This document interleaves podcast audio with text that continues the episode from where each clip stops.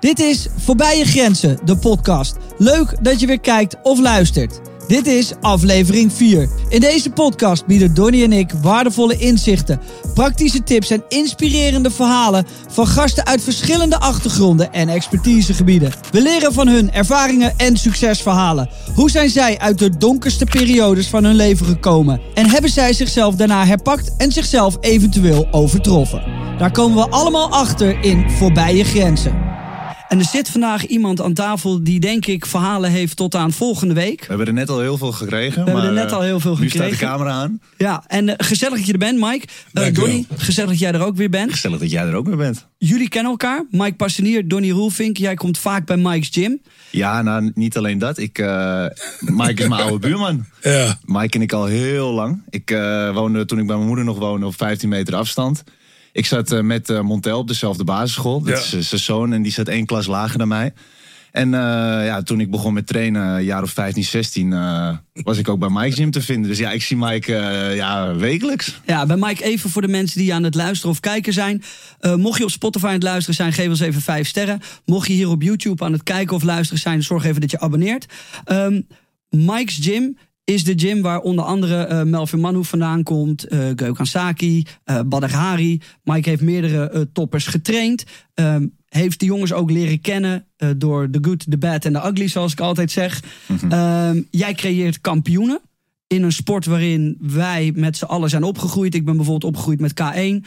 Uh, daar komen een hoop toppers vandaan, maar nu natuurlijk ook Glory.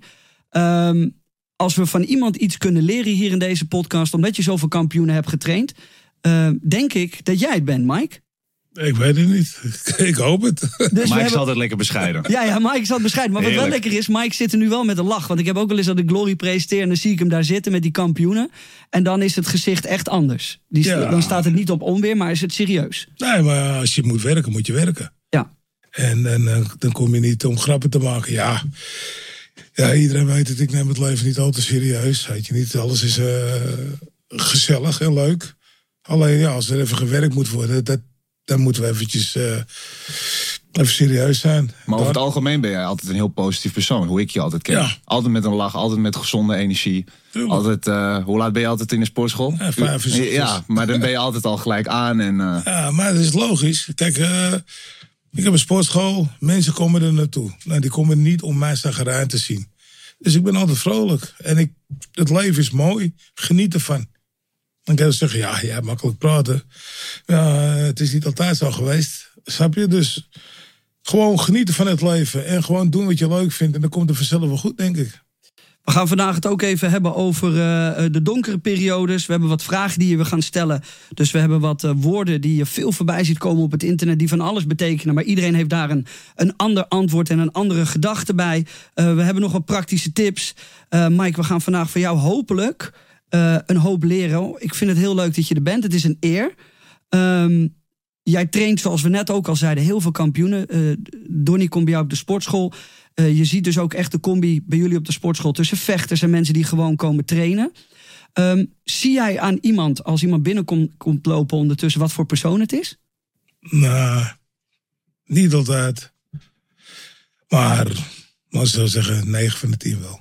Ja, hoe, hoe, hoe, hoe zie je dat? Wat, wat straalt iemand uit bijvoorbeeld die, uh, uh, ja, die, die, die wat heeft meegemaakt?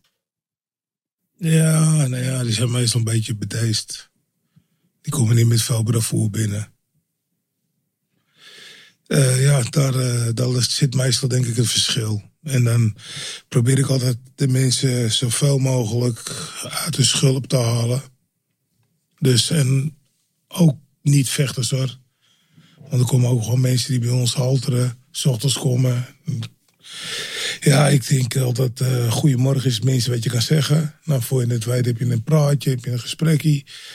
En dan zit er toch een hele laag achter. En dan zie je ook, als die mensen dan door die laag heen zijn, dat het een heel ander mens is. En dat ze zelf ook meestal wat positiever worden. En dat is ook het belangrijkste. Kijk, als je soms om zes uur parkeerplaats vol. Aantaltje of, uh, zijn, 15 tot 16. En de sportschool vol. En allemaal mensen die gewoon lekker met de sport bezig zijn. Nou, dat is lekker positief. even het negatieve eruit. Nou, hoe mooi kun je je dag beginnen? Ehm, jij zei net ook even voordat we begonnen, of nou ja, voordat we begonnen ook tijdens de podcast al, het is niet altijd leuk. Het is niet altijd goed. En ik denk ook dat dat een van de redenen is waarom Donnie en ik deze podcast zijn begonnen, is omdat we natuurlijk op het internet best wel veel zien dat het allemaal altijd maar goed moet zijn. Het moet altijd allemaal maar leuk zijn. Uh, het is ook niet zo dat mensen gewend zijn om, uh, om af te zien om ergens te komen waar het misschien uh, wat makkelijker wordt.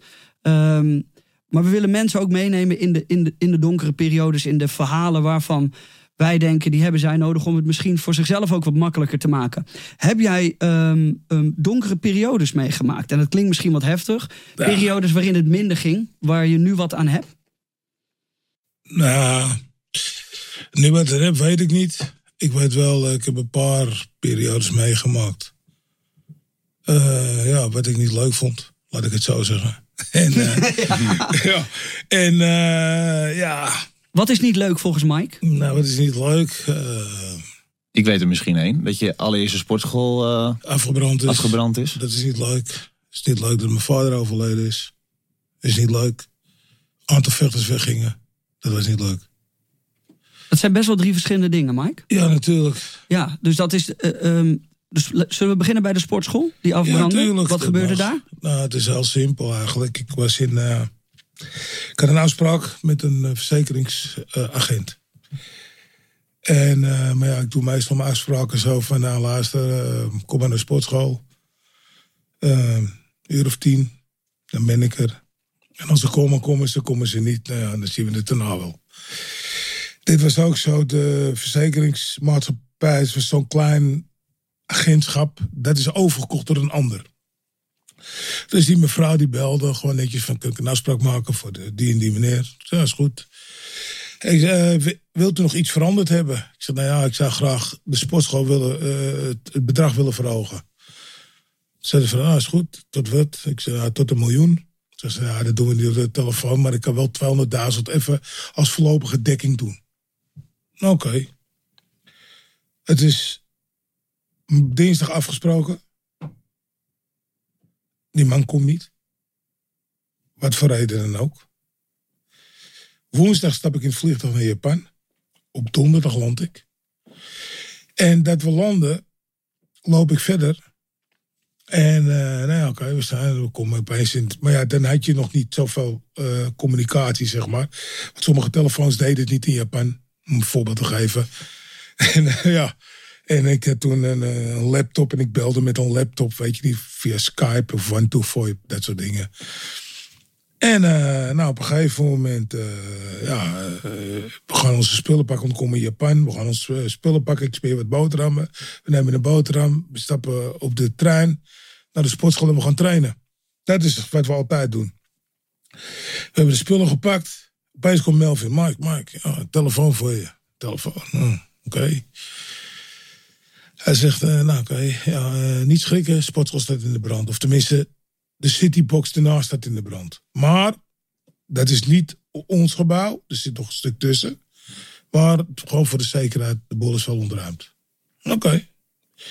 Maak je geen zorgen? Nou, maak me geen zorgen toch? Nee, maak je geen zorgen op dat moment? Nee, maar ik bedoel, wat moet ik doen? Ik ben 10.000 kilometer verderop. Ja, tuurlijk. Ja. En uh, ja, als hun zeggen, ja, de, de brandweer is het, die heeft het onder controle, noem het maar op allemaal. Oké. Okay. Even later, dus we pakken de spullen. Zeggen, nou, oké okay, jongens, eventjes, uh, we gaan naar de sportschool. En uh, we stappen in de taxi. In de taxi met de trein. En dan moeten we daarna overstappen. En net dat we eigenlijk naar die trein willen, gaat de telefoon weer. Ja, Mike, uh, het dak staat in de fik. En we lopen verder en de telefoon gaat meteen weer. Zo ja, er is een explosie en de sportschool is zo goed als weg. Oké, dan sta ik daar op Shinakawa Station met traantjes in mijn ogen. En uh, Bada zegt, uh, ja, als je wil kunnen we naar huis, zeg, maar wat moet ik thuis doen? Laten we gewoon naar de sportschool gaan. Dat is even belangrijk nu. Oké. Okay. We gaan naar de sportschool. De sportschool gaan eerst even loopband naar boven. Maar ja, ik vang geen stoot meer. Weet je niet. Het ging gewoon niet. Nou, oké, is goed. Dan werden we in het toernooi ook nog tweede. Achter Sam Schild. voor de mazzel. Mm. Dus dan kom ik terug. En dan ga ik kijken. En denk ik, Jezus Christus. Wat moet ik nou doen? Dat was het eigenlijk een beetje. En Dus toen moest je eigenlijk gewoon weer helemaal opnieuw starten. ja, ja ik moest Terwijl je wel al toppers als Badder eh, onder je had. Ja, En ja. verantwoordelijkheden dus. Ja, Baden, Melvin. Want ik bedoel, ik, had, ik was daar. De, daarna moesten we na die wedstrijd eh, moesten we nog naar de, naar de Dynamite. Dat is het einde van de maand. En daarna moesten we nog naar januari. Eh, dus daar vocht Melvin tegen Mark Hunt en Baden tegen Ellison. En daarna moesten we in januari met Melvin voor het eerst in Strikevoort, wat nou Bellator is, zeg maar. Dus er waren ook wel wat belangrijke wedstrijden. Dus we moesten steeds rijden. En ondertussen dan moest ik allemaal dingen gaan regelen. Dus ik, moest, ik, heb mijn hypotheek drie maanden. Ik heb alles drie maanden vooruit betaald. En toen had ik ook nul meer. Want ik had net in die sportschool had ik zeg maar achter van die vertrekjes gebouwd. Waar mensen konden slapen. Het is als vechts uit het buitenland, noem maar op. Ehm, via Justus eh, had ik een, eh, een bouwbedrijf, Bedri. Eh, die, die had die hele sportschool opnieuw aangepakt en gedaan. En gewoon echt mijn laatste centen zaten erin. En vanaf dan, weet je, dan dacht ik van nou, nou ga ik opbouwen voor mezelf. Maar dit is natuurlijk wat een hoop mensen die nu aan het luisteren zijn of aan het kijken zijn. Die, die maken dit soort dingen misschien in wat kleinere of in grotere vorm mee. Ehm, dat is dat je iets aan het bouwen bent. Je geeft heel veel energie ergens naartoe. Het kost je tijd, energie, geld. Ehm, dan denk je, oké, we kunnen de start maken. Dan stort eigenlijk, met alle respect, alles best wel in elkaar. Hoe- Hoe ga je daar mentaal mee om? Hoe kan je daar weer bovenop komen op die manier?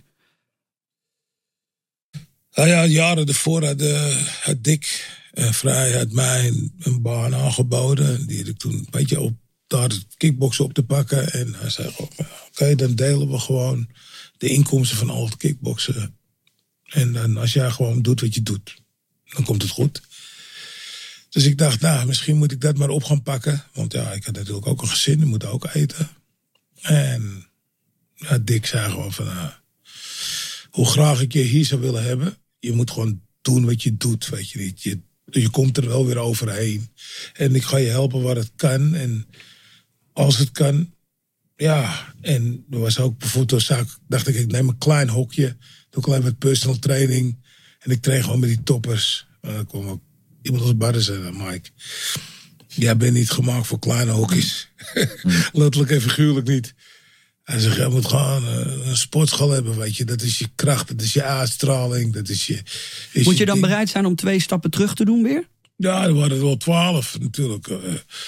snap je, op een gegeven moment eh, ga je overal kijken en dan moet je je eigen erop remmen. Dat je niet zomaar de eerste beste lege ruimte betreedt. Want ik was ook met mijn een gabber van mij, Tim geweest naar een hele mooie ruimte, maar die was gewoon te groot. Maar dan zag ik wel heel wat, 1600 vierkante meter. En dat was heel hoog, dus je kon er nog een, een vloer in doen. Maar ja, Je moet wel realistisch blijven. ja ik, kon dat niet, ik kon dat niet behappen. En toen kwam ik in één keer via John Benjamins bij deze ruimte waar ik nu zit. Ja, en toen is het langzaam uitgebouwd. En daarom ben ik nu, zeg maar, waar ik nu zit. Zelfs nog met een ladies only ernaast. Maar het, we zijn nu wel 13 jaar verder ruim. Dus je hebt eigenlijk gewoon die twee stappen teruggenomen. Ja, Fysiek gezien moest je opnieuw starten met, met de sportschool. Dat heeft eigenlijk dus twee fases gehad. De eerste die totaal is afgebrand. En de tweede die nu staat zoals die, zoals die nu staat. ja. Maar dat is, dat is die fysieke pijn. Dat is dat, je, dat iets afbrandt waar je hard voor hebt gewerkt. Daar, daar kan je met, met bepaalde gedachtegang misschien wel overheen komen. Maar emotioneel heb je, terwijl je dat allemaal aan het doen was... heb je dus ergens nog eh, je vader verloren. En Nee, zijn- dat was ervoor. dat was daarvoor. Dat was ervoor. Maar Oh, wauw. ik, eh, ik had eerst, eh, om even terug te komen. Kijk, ik zei opeens van, oké, luister. Want ik zat zeg maar op twee hoog. Zei ze, nou één hoog, dat kunnen we heel snel wind en water dichtmaken. Dan kunnen we daar een nieuwe sportschool starten. En, Marco Prober was ook van, oké, en zo niet heb ik nog andere ruimtes waar je kon. Maar da- daar voelde ik het eventjes niet, zeg maar. En toen dacht ik, ja, wacht even. Ik ga niet iedere dag naar mijn verdriet toe rijden. Want ik heb het twee dagen geprobeerd om er naartoe te gaan. Eerst even rond te lopen, te kijken. Hey, Ja, je weet, ik ben zo zaken. Ik ga wel rondlopen, kijken. Dan ga ik er zitten op de grond. Denk ik, nou, zie ik het hier gebeuren? Zeg het niet voor je. Nee. Nee, dus dat was er ook nog een keertje gebeurd. En eh, toen dacht ik, oké, luister. Nu ben ik ook... Ik zat in Amsterdam-Noord. Nu zit ik meteen achter de ringweg. Dus ik ben nog wel bij Amsterdam, maar niet meer in. Dus ik dacht gewoon, alles nieuw, alles vers. Het was een nieuw gebouw.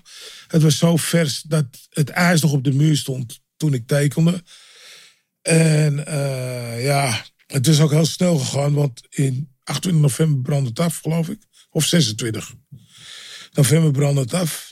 En in maart konden we dus alweer een beetje beginnen met kickboksen. Zo snel was- kunnen schakelen dus. Ja, nou ja, je moet snel schakelen. eh, maar dat kwam ook. Waar, eh, Eén keer per jaar heb ik zo'n feestje op 24 december.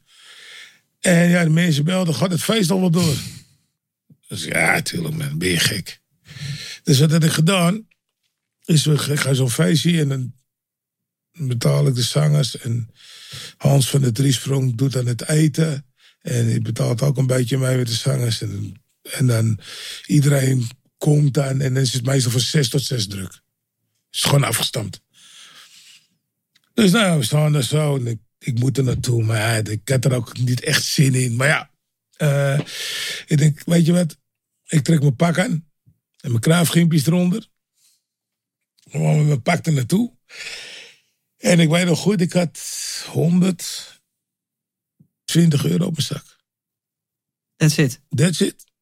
Maar wel de huur en de gaslicht betaald voor drie maanden. Dus ik had 120 euro. En Sil zegt, eh, eh, had je nog wat geld voor boodschappen? Ik zeg, wat heb je nodig?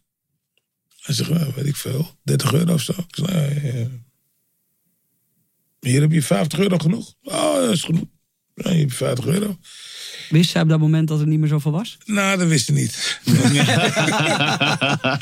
Dus ik ga er naartoe en het is toch wel vrij druk. En eh, ja, ik kom eraan, ik open het feest.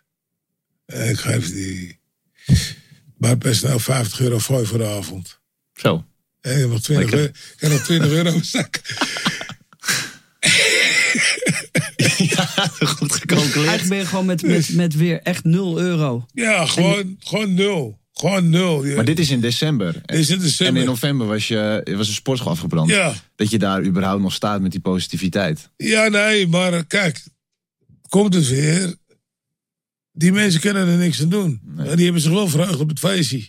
En op dat feest komt Ron Vacano naar me toe. Ja, ja, iedereen ja, begint natuurlijk, hey, kut hè? Ja, kut. Ik zeg, ja, nou weet ik het wel, man. Weet je, want het, daar word je niet vrolijk van. Nee, nee. Dus toen eh, zegt Ron, hij zegt, eh, hoe ga je dat dan doen? Eh, ja, weet ik niet. Hij zegt, we kunnen toch zo opbouwen? Opbouwen? Hij zegt, nou, ik doe de elektriciteit. Hij zegt, kijk, eh, Rogier hier, Rogier Kessel van TBK, die doet, eh, hoe heet het, Eh, al het water, loodgieterij. En Michael, die is aannemer. En die kan gewoon. En die was van MB3. Eh, dus ik zeg, nou ja, oké. Ja, dus toen komen de ideeën er weer omhoog natuurlijk. Nog meer bier erbij, nog meer ideeën. En dan geeft ze nummer. En ik stop dat in mijn zak. Bij die 20 euro. Die ik nog over had. En we gaan... eh, ja, het, het feest was leuk. Het is goed. En, eh, en de volgende dag is het eerste kerstdag. Ik denk, nou, nog niet even bellen. Maar 27 december moet ik naar Japan toe. Dus Zonder geld. Met 20 euro. Ja. ja, ah ja. En een creditcard. Is, maar ja, dat is niet gedekt. dus, oké. Dus ik zeg, 's ochtends. Ik zeg, nou, wacht even. Ik denk, nou, ga bellen. Ik zeg, Ron, meende je dat nou wat je zei? Hij zegt, ja, natuurlijk, man. Ik zeg, nou, ik ga even naar Japan toe. ik ben eh 1 januari weer terug. En dan zou ik je graag willen zien. Maar ja, 1 januari is natuurlijk al nieuwjaarsfeest daar ook. Dus hij zei, nou, zie ik je daar. Ik zei, nou, misschien de dag daarna of zo. Oké. Dus zo gezegd, zo gedaan. Ik ben met Ron gaan praten. En Ron is, die jongens opgebeld. Dus gewoon zitten. En toen hebben we gewoon gezegd, luister. Hetgeen wat ik neer ga zetten is waarschijnlijk veel duurder. Maar ik kan de, de hoe heet het, betalen, de spullen betalen. Geef meteen geld voor. En al, alle rekeningen die komen, dan moet je zeggen hoeveel het is. Dan geef ik je een tijdlijn wanneer ik het kan betalen. Als je ermee kan leven, graag. Als je niet mee kan leven, ja, dan houdt het voor mij hierop. En Ron zei, op een of andere reden, van, ja, ja, ik geloof in jou. Dus laten we gewoon beginnen. Dus eigenlijk is de moraal van het verhaal is gewoon dat er kan een hoop gebeuren. Maar als je maar met een soort positieve kijk blijft praten met mensen en de dingen blijft doen die je altijd goed voelen, zoals zo'n feest geven, want een hoop mensen hadden dat waarschijnlijk niet door laten gaan, is er altijd een kans. Er zijn de mensen die bereid zijn om je te willen helpen. Als je maar duidelijk en eerlijk met ze bent en, en, en weet wat je zelf wil. Ja, als ik niet naar het feest had geweest, Had het nooit gebeurd. dan, Had je dan niet- had, had ik dus niet die andere. Maar je snap je wat mijn, mijn, eigenlijk mijn pad was? Oké, ik ga ergens lesgeven. Ik pak gewoon mijn geld en ik zie het eh, voor de Ja. rest wel. Ik heb mijn vechters. En that's it. Maar dat is natuurlijk ook altijd beperkt. Want ik ben juist een eigen sportschool begonnen. Omdat ik steeds van sportschool naar sportschool weggestuurd werd. Want dan had ik die hele zaal weer vol. Dan had zo'n jongen had weer zo een nieuw meisje leren kennen. En die gaf aerobic. En dan moest het natuurlijk weer op de tijd wanneer ik, het- wanneer ik er was. Dus ik werd altijd naar die klooturen gedaan. Of En ze- kickboksen was toen nog een sport waar mensen Ja. niet echt mee konden werken. Waar nog een Ja. soort van taboe op zat. Het was een vechtsport die uiteindelijk geaccepteerd werd in Nederland. Maar niet helemaal op die manier. Wel vol met z'n allen K1 kijken. Maar dan eh, wel in een achterafhutje ergens trainen. Ja, ja, nou ja, niet alleen dat. Eh, kijk, ik, heb altijd, ik had altijd volle klasse. Dus ik leefde altijd wel mijn geld weer op. Alleen, ja, dan zegt iemand, ja, dan kan ik op die tijd ook lesgeven. Heb ik ook die volle klasse. Dus ik werd naar, naar, ja, naar, de, naar, de, naar de mindere uren gedaan. En ehm wat we ook hadden natuurlijk in die tijd, weet je natuurlijk veel van die gasten die begonnen een sportschool. Vergeten belasting te betalen. Nou, staat er weer slot op vergeet het dit. En toen kwam ik opeens bij Hercules. Daar heb ik heel wat jaren getraind. Toen hebben me heel goed op, op eh, ontvangen. Dus de worstelvereniging. Maar ja, het is verenigingswerk. Ja. Dus daar ik zei gewoon van oké, alles wat ik heb, dat hele half, half, half. En dat hebben we jaren gedaan. Ja, Hey, maar dit is, dit is het, het, het fysieke gedeelte. Hoe ga jij om met het. Want daar heb, dat, dat zei je net ook. Een soort van: ik heb, daar heb ik veel meegemaakt. Maar dus in het emotionele ook. Dus je, je vader kwijtraken en vechters. ja. Hoe ga je met het emotionele gedeelte om? Want het fysieke, daar kan ik me nog wel een soort van. Als je iets zie- ziet afbranden. Ja. Dat moet je gewoon. Ja, dat klinkt gek. Maar als je een beetje een doorbijter bent. moet je dat gewoon op de een of andere manier weer proberen op te bouwen. Omdat je goed bent in je job. ja. Je bent goed in wat je doet. Dus mensen zullen daar waarschijnlijk ook in geloven. Maar hoe ga je met het emotionele gedeelte om? Hoe, hoe doe jij dat? Want ook daar heb je dan wel wat tikken gehad. Iedereen neemt altijd eigenlijk zijn ouders een beetje voor.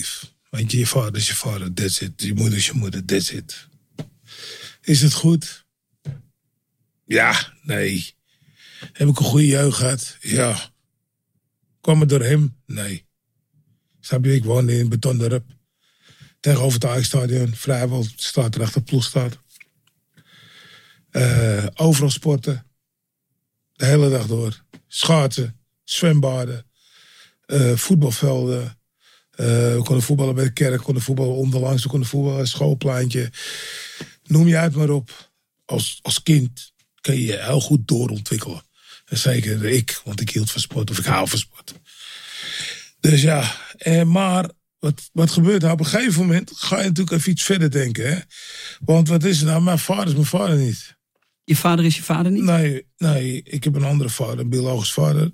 Maar als je nou kijkt wat deze man, zijn achternaam heb ik ook, Simon Passanier heet hij, gedaan heb in 1969 ben ik geboren. In 1970 twee blanke mensen met een donker kind. Ja, kijk nu, weet ik veel, bier van alles wat. Twee lesbiennes, twee homo's met een donker kind. Doe maar wat. Maar toen was dat gewoon not done. Sterker nog, zijn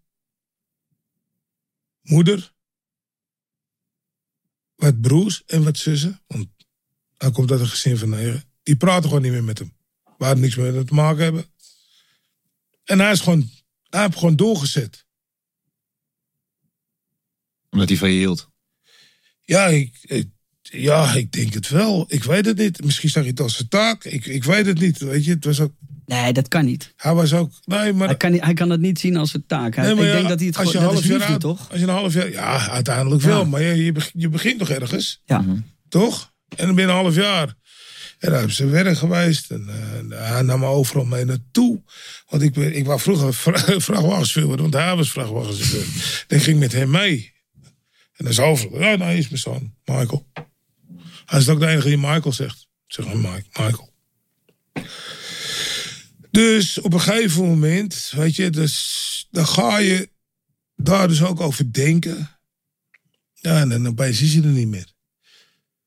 En dat was toen ook in Japan. En Barre moest vechten. Ja. En dan krijg je een, weer zo'n telefoontje. En je vader is overleden. Ja. Weet je. Dus ja. Hij deed het om maar eventjes. Samen met mijn moeder. En, en uiteindelijk, ja. Hoe dan ook, ben ik toch opgegroeid. Hoe zou jij Simon Passanier omschrijven? wat, heb jij, wat heb jij van hem geleerd? Eh, nou, hij was een beetje gekwetst. Boos. Vaak. En, eh, maar uiteindelijk wel altijd eerlijk. Hij kon gewoon soms dingen zeggen en dan even hij, ja, nou ja, ja, daar heb je wel gelijk in. Snap Maar ik je? vind jou ook altijd heel eerlijk. Ja, het- ik heb ook geen reden om oneerlijk te Nee, zijn, maar denk ja. ik. Snap je? Ik bedoel, ik heb, ik heb weinig te verbergen, weinig te doen. En Maar dat heb je van hem, Mike. Ja. Waarschijnlijk. Dus als het iets niet goed is, dan is het niet goed. Dus dan moet ik het er even voor zeggen. En, en, en ja, het heeft allemaal geen nut om. Weet je, ik bedoel, die korte tijd dat we leven, hè? Dat- Dat we echt leven en dat je vol bezig bent. Ja, maar dan moet je dan ook nog een beetje oneerlijk zijn en een beetje om achter je om moeten kijken en dat soort dingen. Klinkt wel logisch, maar niet voor iedereen zo. Nou, maar ja, de, de, de verbetering van de wereld begint bij jezelf. Dus ik, weet je, ik, eh, ik leef ook mijn leven met spreekwoorden. Altijd. hè. Ja, die hangt helemaal vol bij mij. Overal heb ik... Overal waar je kijkt. Maar ja, echt, eh, Ja. Ik, ik, ik, ik heb daar heel veel leren kennen die ik eh, niet in een boek heb geleerd. Die heb ik allemaal bij Mike Jim Nee. geleerd. Ja. Maar ja, het eerste spreekwoord is toch... Wilt gij dat het u niet geschiet, doet een ander niet. Dus waarom zou je het zelf wel doen dan? Snap je? Dus dat, dat begrijp ik nooit. Als je eerlijk wil zijn... Wees gewoon eerlijk. En dan, kijk, als je iets fout gedaan hebt... Ja, oké, het is kloten. Maar je kan beter zeggen dat je het gedaan hebt. Het komt toch wel uit.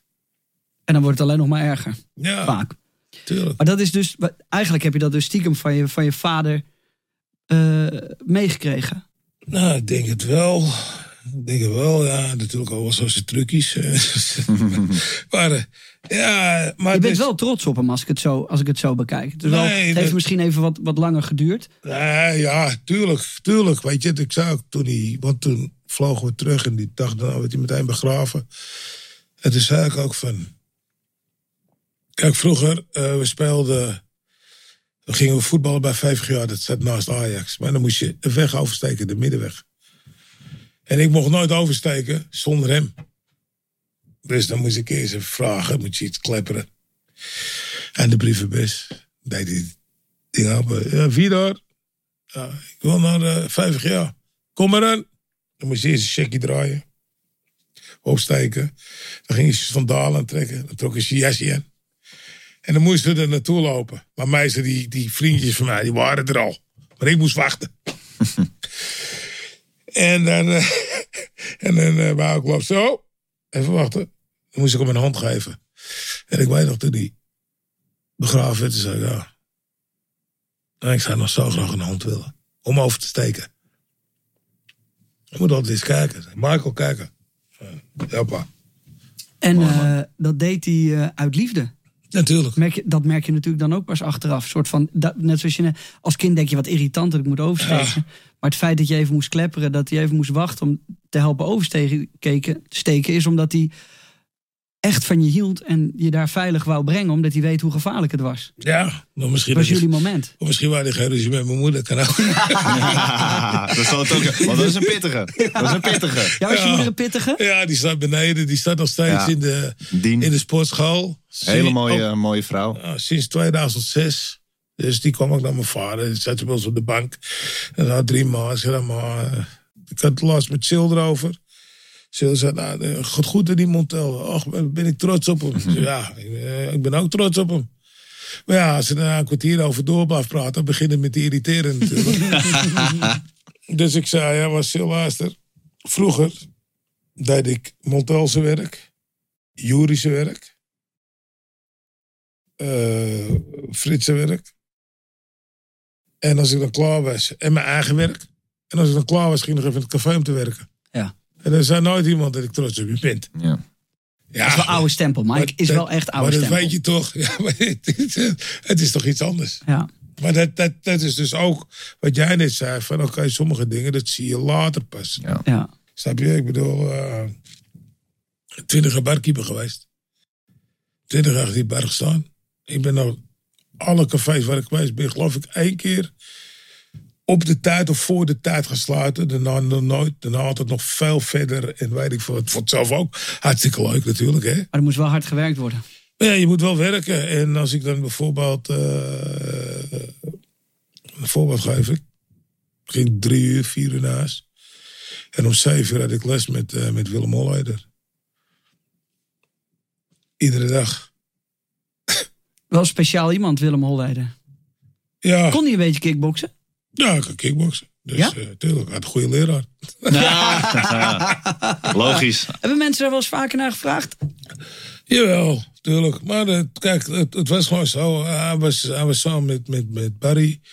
En eh, wij gingen trainen. En eh, hij zocht iemand die, die, die hun kon trainen.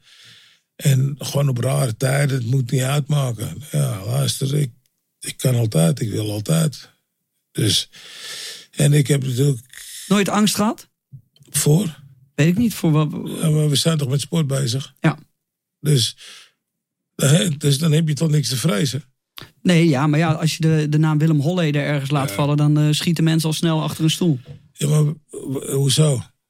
Oh, hij is ook wel eens in het café bij ons geweest. Dus, eh daar is ik goed. Geeft iedereen wat te drinken. En eh, daarna laat hij nog goede fooi achter. Dus wat, wat maken we ons druk?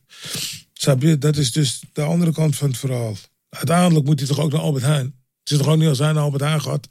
dat iedereen zegt, oh wacht eventjes. eh, We stoppen met alles. ja, Ja, dat klopt. de, de, de kadetten zijn er vandaag niet meer. nee. Snap je? Dus, eh, en dan komt weer als je gewoon een positief staat en een beetje. Kijk, eh, hij, hij, hij had ook van humor. Dat is ook leuk. Het is ook een Amsterdammer. Amsterdammers houden van Ja. humor. Snap je? Ik zal niet zeggen dat Rotterdammers die van Aardie, maar die hebben weer iets andere humor. Eh, Dus ja, zo gaat het gewoon. Wel een mooie, hij moet ook gewoon naar de Albert Heijn. Ja, Simpel. natuurlijk. Hey. En, eh, en ook eh, toen hij die eh, scooter kocht, waar iedereen daar nog steeds op rijdt. Hebben we ook geen scooterdealer gehoord van. Nou, ja, lacht even, die verkoopt we niet. Ja. Snap je? Ja, ja, Dus het is ook een beetje het, eh, hoe noemen ze het? Circle of life. Weet je, het draait ook door gewoon. Hey, ehm, vechters die bij je weggaan. Ja, Dat was de derde die je geraakt heeft. ja, nou ja. Kijk, wij hebben natuurlijk met z'n allen meegekregen dat, eh dat Badder wel eens eh, eh, een andere stap heeft genomen. Maar dat is degene die het grootst is, een soort van grootst is meegenomen in de media. Want als Badder iets doet, dan springen we daar allemaal bovenop. Log- Logisch ook, want het is een van onze grootste en meest bekende vechters. Maar er zijn er best wel veel weggegaan en ook weer teruggekomen. Ja, ja, nou ja. Wat doet dat emotioneel met je? Nou, het, het, op een gegeven moment leek wel of iedereen wegging. Ja. Ja. En eh, En nu lijkt het alsof iedereen weer er is. ja, maar het- dat, dat was gewoon een kwestie van tijd. Kwaliteit verloogt zich niet, toch? Nee, ja, eens. Zo simpel is Maar dat het. was wel een kutperiode. Nou ja, het gaat mij altijd meer de reden waarom. Snap je? De reden waarom. De reden moet goed zijn. Als jij gewoon weg kan gaan. Zoals bijvoorbeeld Badder, die stopte de eerste keer. Omdat hij wou gaan boksen. Toen zei ik van, ik ben misschien wel een hele goede boksende kickboxcoach. Maar ik ben geen goede boxcoach. Mhm. Dus, snap je, is hetzelfde als iemand die gaat badmintonnen gaat basketballen. Of eh, sorry, iemand die gaat badmintonnen gaat tennissen. Tennissen. Dat wordt anders. Dus dan zei ik van, nou, als je beide kan, dan heb ik samen met hem nog een, een coach voor hem uitgezien, die eh Nassim Richardson. Ook helaas overleden. Eh, omdat dat hij dan goed terechtkomt. Dan gun ik hem het beste. Ja. Maar Ja, mensen, mensen gaan met mij weg. eh meest rare reden. Dan zit ik daar zo. Ik zeg, nou ja, oké, is goed. Hoe gaat zoiets? Ga je dan samen zitten in de sportschool? Ja, soms wel. Maar soms, meestal hoor ik altijd ergens anders trainen. Dus dat je, het zijn, zijn nog niet slim ook. En dan op een gegeven moment, ja, kan ik even met je praten? Ja, tuurlijk kan je praten. Ja, nee, ik, eh, ik heb er even over nagedacht. En eh, ja, oké, is goed. Eh, ja, de mazzel. Snap je? Ik denk gewoon ook bij mij eigen van, eh, grap, weet je, eh, kom op man. Ja. Toen je hier kwam, dan kon je geen reet van. Nou verdien je geld. En dan is het mijn schuld omdat ik jou te weinig aandacht geef. Heb je wel eens, wel eens gedacht dat het terecht was bij een van je vechters toen ze weggingen? Zo van, mm, ja, ik kan me hier wel in vinden. Nee, ik zou niet weten waarom. Ik zou niet weten waarom, want iedereen... Alle vechters die geweest zijn, zijn allemaal beter op geworden. Dus ik zou niet eh, vechten weten. Kijk, eh, Ze hebben allemaal die Mike-stijl. Er is, nou ja, er is niet zozeer een Mike staat, het is een eigen stijl. En ik heb er wat op aangepast. Dat is het eigenlijk. En daardoor komen ze dus ook verder. Ik weet je, Maar nu zijn er ook een hoop weer eh, een soort van. Het is nu. Ik weet nog de tijd dat, dat iedereen dacht van. Nou, waarom gaan ze allemaal weg bij Mike? En nu is iedereen er weer. En dat is echt nog geen. Wat is dat binnen een jaar, twee jaar? ja, nou ja, eh, je ziet Ik natuurlijk zie ook- nu Tavares weer. ge- eh, die- is naar jou. Ja. Ik zie eh, een hoop andere vechters jouw kant op komen. Eh, Serkan is jouw kant op gekomen. Eh, Ja. Er zijn best wel heel wat vechters nu. die Jouw stal begint echt heel groot te worden. Ja, Denk gewoon dat het altijd aan de kwaliteit heb gelegen, toch? Wat je zelf ook al zei. Kwaliteit ligt niet. nee, tuurlijk niet. Als je, het is simpel, Serkan. Als je wedstrijden van Serkan kijkt, hoe het eerst was en na was, is toch een wereld van verschil. Ja, mag ik dat? Die heeft toch. Laten we daar wel eerlijk in zijn. Die heeft wel de stijl van Mike eh, goed in zijn arsenaal kunnen, Ja, kunnen weten te implementeren. Want dat zie je ook. Hoe die Ja. staat, hoe die, hoe die vecht, dat past echt bij hem ook. Ja, en het ging eh, natuurlijk een paar, een paar wedstrijden goed. Alleen die titelgevecht, ja, toen was die uh, Wisse was gewoon beter, veel beter als Ja. hem. En, eh, en, en, en ik denk dat het een meer aan lag dat Serkan, die druk was een beetje groot voor hem. Maar voor de rest eh, gaat het toch goed. Kijk, en als je nou gewoon ook andere jongens ziet met wie, wie gewoon bij ons vandaan komen, dan weet je gewoon van, oké, als die de ring instappen, het is leuk om naar te kijken. Ja. Hoe ga je daar mentaal mee om als iemand zo weggaat? Is, zit, lig- zit je dan s'avonds thuis zeg je tegen je vrouw... Godverdomme, hier baal ik wel van. Nee, Nee? nee. Maar toch is het iets waarvan je zei dat het wel een beetje pijn doet. Nee, nou ja, pijn doet. Ik, het zit me van het denken van, helaas, dan kan ik er nou geen kloten meer van. Nee, toch? Nee. Ik bedoel, Heb je daar wel eens aan getwijfeld? nee. Eerlijk. Nee. Nee. Ja, nee? Nee, tuurlijk niet. Nee, maar er was natuurlijk een tijdje dat er veel mensen weggingen. Maar de hele nieuwe generatie die er toen aankwam weer als een speer ging. Eh, Antonio bijvoorbeeld, eh, Jamal kwam erbij. Dus, dus, dus aan de Weer kwaliteit. zo- weer zo'n vechter waar je ineens jouw, te- jouw stijl ook weer helemaal in Ja. terug ziet. Tuurlijk. Ja. Cookie. Ja. Cookie natuurlijk nu. Goh, je hebt nu wel. Ja. Hij heeft een heel leger achter zich. Maar dat laat ook, ja, maar dat laat ook zien dat als je dus. dat- Het kan even niet goed gaan, want dat hoorde je ook. Ja, iedereen gaat weg bij Mike. En dan denk je, ja, Ja. hoe kan dat? En iedereen gaat dan ook op zoek naar. Ja, waarom is dat? Maar het kan zo een jaar later, twee jaar later. kan het zo weer helemaal compleet Ja. anders zijn. En ik denk dat dat de moraal van het verhaal is. Is dat het kan nu even niet oké zijn. Maar over twee jaar is het leven weer totaal anders. Als je goed ergens in bent en een expert. En zorgt dat je er alleen maar beter in wordt. en het vertrouwen blijft behouden. komt het altijd goed. Ja. Ja, je moet in jezelf geloven natuurlijk, hè. Hoe doe jij dat? Is dat gewoon iets waar je mee opstaat? Het is gewoon heel simpel. Ik, luister, ik kijk gewoon. eh, ten eerste, jaren geleden, 2004, was ik samen met eh, Oscar. Die, eh, Oscar, oké, met die bril. Die, die, en we begonnen gewoon. En toen zeiden we gewoon, oké, is goed. Luister, wij moeten het verschil maken. Niet alleen in de trainingen, maar ook in de hoek. En in de begeleiding. Dus we zijn daar gewoon dingen in gaan veranderen. Dus bij ons, de kleedkamer is altijd goed. De kleedkamer is schoon, is netjes, Gezellig. gezellig en geordend. Het is geen zootje. Nee. Er komt niet iedereen zomaar naar binnen rennen. Heb ik wel eens geprobeerd hoor. Ja, natuurlijk, maar dat ging niet. Wegwezen. Maar echt, er is niks meer intimiderender, even om het op mezelf te betrekken, om als verslaggever bij hun die, die, die kleedkamer in te komen lopen. Je ziet al die vechters, je weet dat dat hun meest persoonlijke moment Ja, ja. is. Het is voor een partij, dus ze zijn allemaal nog gefocust. Ook Mike praat eh, eh, eh, 2% van wat hij nu, nu eh, zegt. Een Ja. soort van drie woorden zijn genoeg. En eigenlijk hebben we al mazzel dat we naar binnen mogen. Ja. En dan loop je naar binnen en dan denk je, wauw. Maar het is altijd schoon, duidelijk. Er staat muziek op. Eh, mensen vinden het gezellig, maar er is wel focus. Ja, maar zo moet het ook. Dus dan denk je gewoon, van, dan kijk ik hier en dan kijk ik naar anderen. Dan denk ik, ja, kom op man. Ja. Ja, Mike, we- wat we ook altijd vragen is... Ja. eh, nou, we horen, eh, het zijn woorden die we veel horen. Op social media, overal. En iedereen heeft daar een eigen betekenis aan. We hebben hier verschillende woorden voor ons liggen. Comfortzone, falen, routines, vallen en opstaan, dromen, grenzen. Dan gaan we gewoon eh, willekeurig een woord uitkiezen. En dan zijn we heel benieuwd wat jouw betekenis aan dat, eh, aan dat woord is. Ja, en dat mag zo kort mogelijk eh, of zo lang mogelijk. En iedereen heeft daar zijn eigen ideeën bij. Goed. Don, wat is de eerste? Ik ben heel benieuwd eh, bij Mike het woord dromen. Dromen, Heb jij nog dromen? natuurlijk. Dromen moet je zo groot mogelijk doen. Heb je dat altijd al gedaan? Ja. En wat is, wat is nog een droom van jou? Ik denk, ik denk sowieso nog wel wereldkampioen worden. Nou ja, ik wil nog wel een paar titels winnen. Ik, eh, ik wil nog wel. eh, ik wil eigenlijk met de sportschool dan kijken of het mogelijk is om een nog hogere status Ik weet zeker dat te het kan. halen.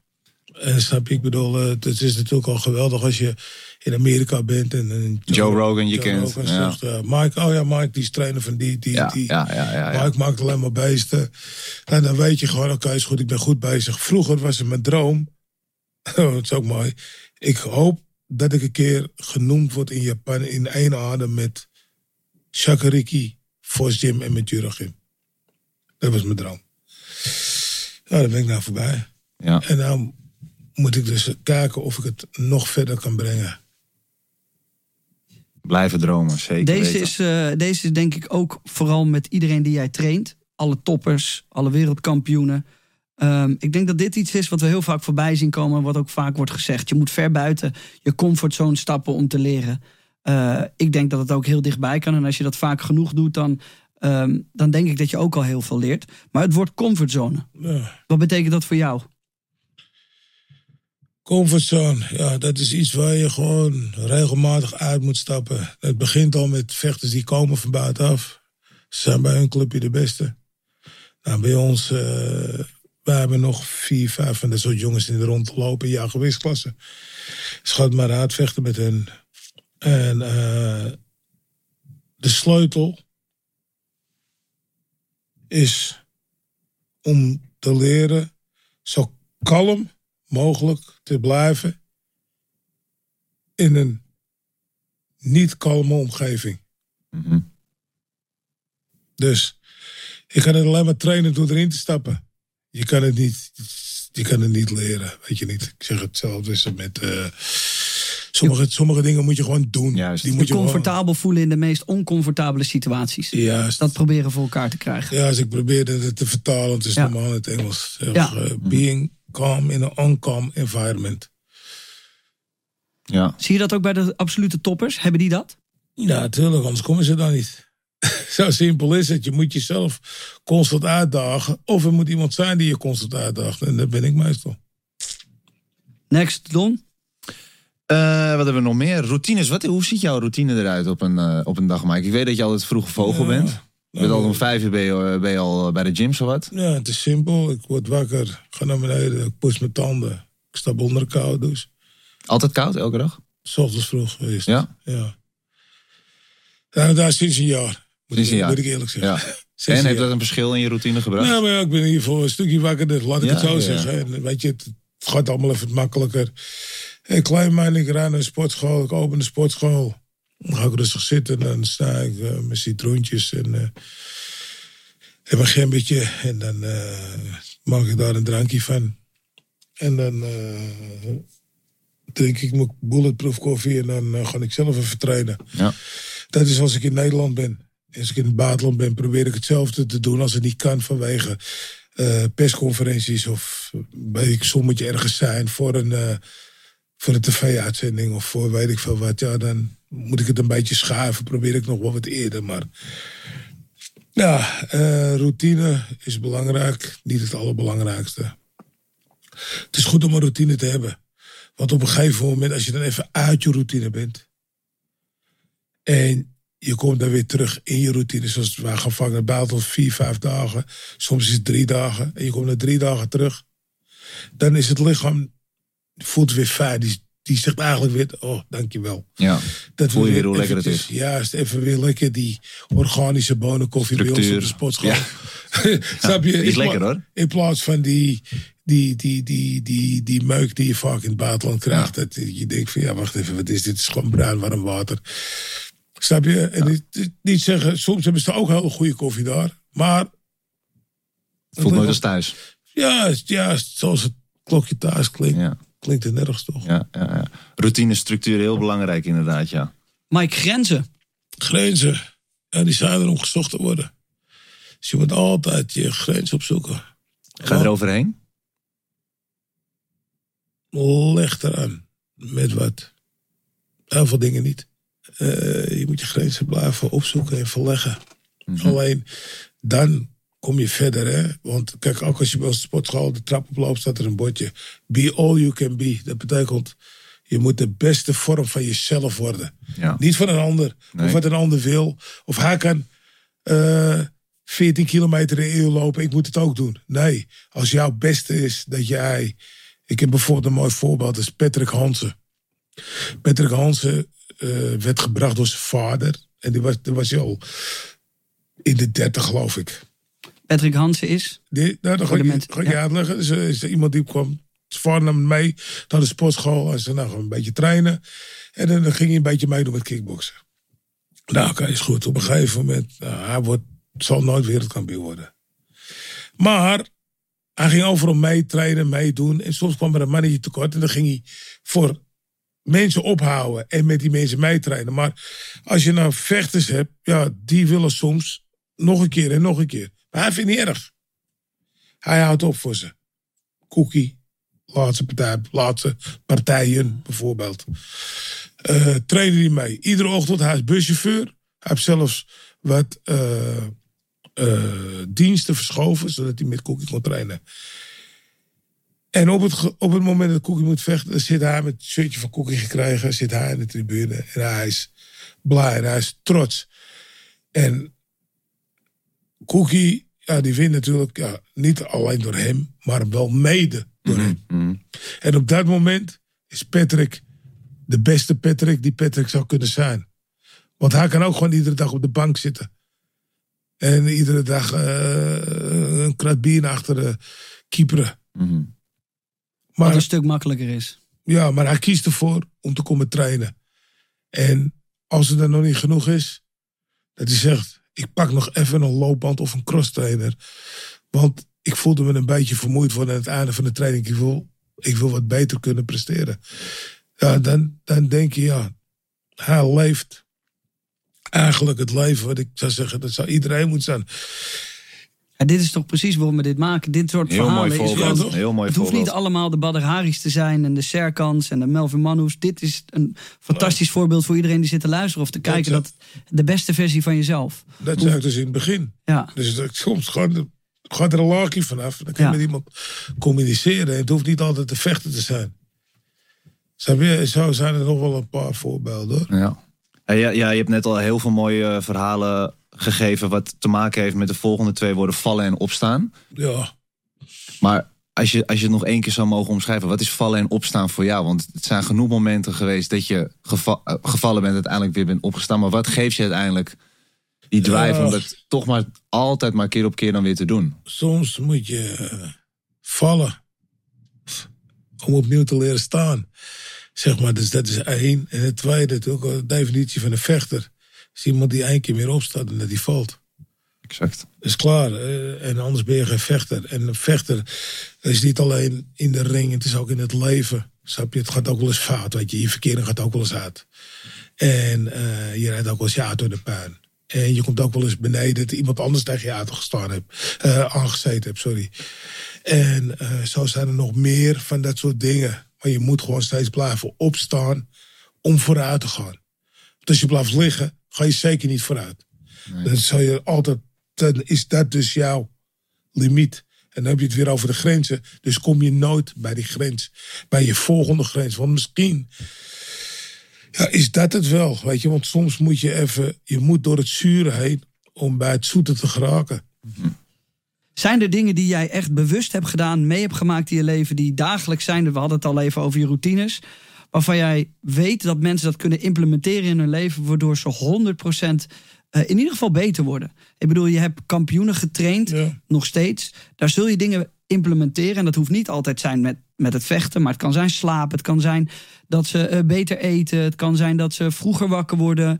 Ehm, heb je praktische tips die mensen kunnen toevoegen waarvan jij denkt, ja, dat moet iedereen gewoon wel eens doen. Want ik heb gezien dat dat veel helpt.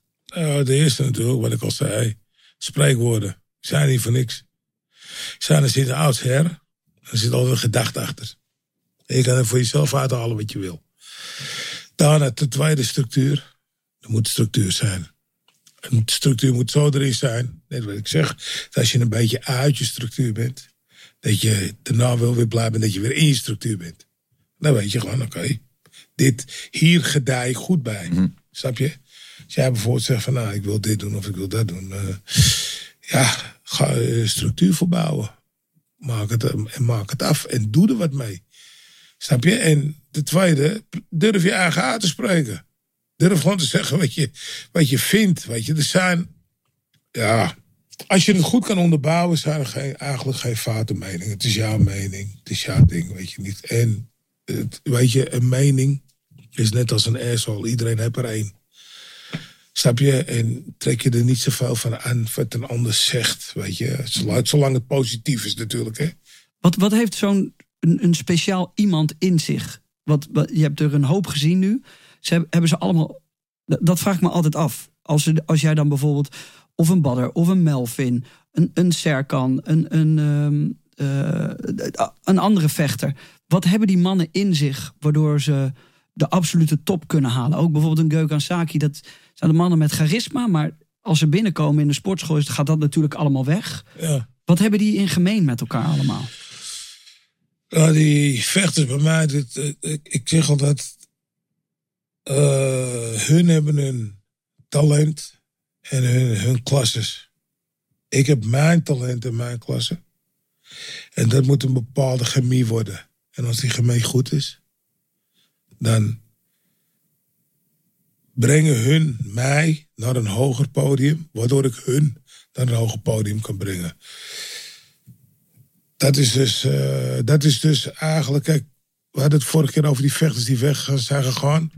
Ehm, op een gegeven moment, wat ik dus zei, Badden ging naar boksen toe. Liep ik met mijn ziel onder mijn arm. Ondertussen werd eh, Myrtle eh, kampioen K1. Stond in de finale tegen Kishenko, tegen mijn andere vechter. Even. Want ja, we hadden toch even niks te doen. Maar toen kwam Saki er weer. En toen ben ik met hem aan de slag gegaan. Je? Dus het, het is natuurlijk niet zo dat die andere vechters dat niet kunnen. Maar er moet iets getriggerd in mij worden ook, waardoor ik weer andere dingen doe. Als je dan kijkt naar een vechter, kijk je dan meer naar talent of bereidheid om te werken? Of moeten ze het allebei hebben? Nou ja, als je nou bijvoorbeeld een mooi eh, voorbeeld neemt, uh, Myrtle. Mhm. De hardste werker van iedereen. Ja? Ja, die kwam ik tegen bij, eh, bij de supermarkt. Nee. Ja, bij de Albert Heijn. En eh, hij was er dan met zijn grappies een beetje vervelend te doen. En die schiet een bal zo tegen een vrouw dat winkelwagentje. En ik zeg, flikker eens op, jongen. Ja, dit, dat. Wat moet je dan? Ja, moet je dan? Ja, wat moeten jullie dan? Nou ja, toen kwam het er opeens van... eh, ik zei, nou, oké, luister, het is heel simpel. Eh, we kunnen knokken. Ik heb daar een sportschool. Dat was op Dendy Centra. Dus kom daar naartoe. Nou, oké, dus diezelfde avond zijn hun gekomen met een mannetje of 14 of zo. Maar ja, ik was bij dus les. Allemaal handschoenen aan. Trainen. Ja, toen heb ik ze allemaal in elkaar gebuikt. Man, die mannetje van 14. dus, en die jongens zijn blijven trainen. En Myrtle, zijn broertje, Fernando, was veel getalenteerder. Maar haakte veel eerder af. Dus door zijn talent hoefde hij niet zo hard te werken. Myrtle moest overal voor werken. Maar is uiteindelijk, als een van de weinigen, en Glory en K1 kampioen geworden. Hij wilde het. gewoon. En hij heeft nog zes, zeven, acht andere belts. Weet ik veel, ergens in Duitsland of weet ik veel wat. Of, eh, Die die gewoon even komen ophalen. ja, ja die, die gingen we gewoon even ophalen. Ja. Dan gaan we naar het fysieke object, hè?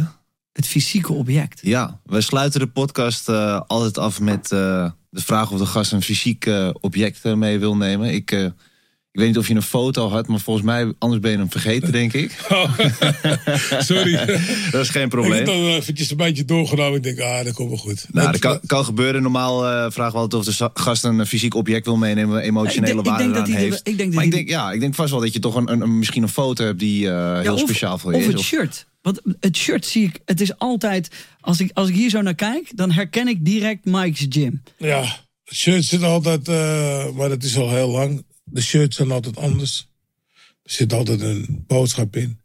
Wat is de boodschap bij dit shirt? Deze is heel simpel. Dit was het shirt wat we eigenlijk in Parijs, of eh, wat ik in Parijs draagde, want iedereen. eh. En eh, ik zei tegen, eh, tegen dat, dat is voor jou. Er staat op, bal hem op. Bal hem op wil zeggen, doe je handen omhoog. Mhm. Wat er gebeurt, gebeurt, doe je handen omhoog. Hoe slecht het is, doe je handen omhoog. En achter op het shirt staat, we pay in pain. Klaar. Jij maakt een fout, wij betalen je uit in pijn. Dat is dus eigenlijk een beetje wat shirt omgaat. En, soms, en op die andere shirts, soms had ik hier een klein dingetje. Aan is uit. Dus dat betekent als hij aangeslagen is, moet hij eruit. Dat soort dingen. Altijd een boodschap zit erbij. Ja, alleen niet iedereen weet het. Nee, dat maakt de shirts opeens wel een stukje meer bijzonder. Want ik heb er heel veel voorbij zien komen. En vaak dacht ik dat het dezelfde waren. Maar nu worden het collectors items. Bewaar je ze zelf ook? De meeste wel. Ik het laatst, eh, dat is misschien weer een leuk verhaal. Ik was toen ook weer met Badr bezig en we gingen sparren. En ik zeg, heb je een shirtje bij je? Hij zegt, ja, hoezo? Ik zeg, ik heb een mooi shirt voor hem om aan te trekken. En toen had ik nog de opkomstshirts van ons. Die hij gedragen had tegen Hongman Choi. Van Field in Japan, wit shirt. Ze trekt dat eens aan. Hoe voelt het nou? dat is toch een andere koek. Sentimentele waarde. Dus elk shirt heeft zo zijn... Ja. Dus in, straks in, eh, En in Bulgarije ook. Ja, en hoe heet het? Heb ook een, uh, een ook al die shirts. Die Ja, mooi. Die shirts zelf. Nu wil ik ze. Nu wil ik ze. Ik zou ook hebben, ja. Zelfs het shirt met het, eh zelfs het shirt met die, met die stropdas. Die wou die hebben. Grappig. Dus, Maar dit is dus leuk. Dus voor iedereen die aan het kijken is, dit zijn vanaf nu worden dit verzamelobjecten. Want Ja. dit wist ik echt niet. Heb je dit verhaal vaker verteld? Ja, als mensen erop vragen. Ik heb, ja, nee, maar, maar Het was zo nog niet bekend. Zo is het gewoon. Dus eh, kijk, tuurlijk, er staan wat sponsors op. Er staan wat vrienden op. Er staan wat mensen op die wat voor me betekenen. De boodschap Altijd. staat centraal altijd. Maar er, staat altijd, er zit altijd een boodschap in. Ergens. hey Mike, ik heb ook nog één vraag voor je. Ja. De kus op het voorhoofd. Ja. Ik ben nou eens heel benieuwd. Ik heb het eigenlijk nooit gevraagd. Waar komt het nou precies vandaan? Waar, waar- waar was de eerste kus eigenlijk? Jurimes. Ja? Ja. Oh. Is heel simpel. Eh, ja, Juri en ik eh, gaan al heel lang terug samen. En ehm, ik gaf hem een kus op zijn voorhoofd om hem een soort te beschermen. Maar dat kwam op dat moment gewoon toen eh, gewoon. bij op. Ja. ja. Ik geef hem een kus. Was ik bezig zeg ik, pak hem even voor me. Weet je, of ik geef nog wat instructies mee. Mhm. En dan een kus op zijn voorhoofd van oké. Ik had het ook een keer niet gedaan met Melvin. Toen verloor hij, omdat we een beetje ruzie hadden. Toen verloor hij van Poturak. En toen zei hij, ja, maar ik heb geen kus gehad. Toen dacht ik, oh. Dat was het. Dus dan hou ik het er gewoon in. Het is, ja, het is gewoon meer voor te beschermen. En, Maar had, had eh, Jury op dat moment toen ook op een spectaculaire manier gewonnen? Of had gewoon gewonnen? nou, Jury won de eerste 30 partijen. Oh, dus ja. dus was, was, hij al. toch, was toch niet zo moeilijk meer. Nee. Snap je? Nee, maar het is, het, was gewoon, het is gewoon ons moment, weet je niet? Ja. Nee, ik moet- vind het ook juist heel speciaal. Juist. Ik vind het heel mooi. Ik snap de boodschap, maar ik vroeg me gewoon af waar, waar, waar kwam het vandaan? Ja, En, maar je moet ook zo. eh, wij gingen van sportschool naar sportschool. En ik reed altijd op een brommetje en hij zat altijd achterop. En ik had een mandje. Want ik had vroeger de brommen van mijn moeder. Die had zo'n boodschappenmandje. En daar zat mijn tas in. En dan had ik meestal een vuilniszak. Met scheenbeschermers of weet ik veel wat. Of een trapkussen tussen mijn benen. En hij zat achterop met zijn tas. En zo gingen we, daar gingen we overal mee naartoe samen. Dus ja. En ja, lag bij ons op de bank te slapen. En Weet je, dus we hebben een hele hechte band. Ja. Terwijl eigenlijk Jury en ik, als hij naar links kijkt, kijk ik naar rechts. Alleen met, ja, weet je, ja, we zijn gewoon altijd samen. En, en, en nu nog. Mm. En hij, eh, ja, hij betekent veel voor mij. En, en, en ik wil niet dat hem wat gebeurt. nee. Het is, ik zit met, met aandacht te luisteren, want er komen nog zoveel meer vragen bij me op. Maar Ja. emotie ehm, en liefde, ehm, daar is dus wel duidelijk heel veel plek voor in die vechtsport die veel van je eist, veel van je vraagt. Het kan, als ik het zo nu beluister, eigenlijk helemaal niet zonder. Ehm, want wat wij zien natuurlijk op de tv zijn de, de, de gladiatoren die daar de ring in stappen. De mannen die alles geven om te vechten. Wij zien het allemaal als entertainment. Maar er komt dus best wel ook heel veel emotie, liefde bij kijken. eh, pijn. Ehm, en dat is iets wat wij niet altijd zien. En in die kus zit dus voor jou een, een emotioneel moment van heel lang trainen, veel geven met z'n tweeën. Een soort van: hé, hey, het is goed zo, we gaan. Ja, dat klopt. Kijk, ja, eh, nou ja emoties. eh, emoties is natuurlijk een heel breed spectrum, hè. Mhm. En eh, er zitten blijen en minder blijen. En alles komt bij elkaar. En het is ook met trainen zo. Snap je? En ja. En ook ja, gisteren nog met trainingen, weet je. Als dan dingen lukken, dan, dan zijn we blij, terecht blij. Ja, even voor een dagje, want morgen is natuurlijk weer een nieuwe dag. En ja, dat eh, soms van die dingen, die moet je gewoon niet zomaar even onder stoel of banken steken. En je mag best soms een beetje stilstaan bij wat je allemaal gedaan hebt. Of wat je allemaal aan het doen bent. En je mag even na gaan kijken van... Waar komen we vandaan? Snap je hetzelfde met... eh, ja. Dus dan, dan komen er altijd heel veel emoties los. Wat heel fijn is.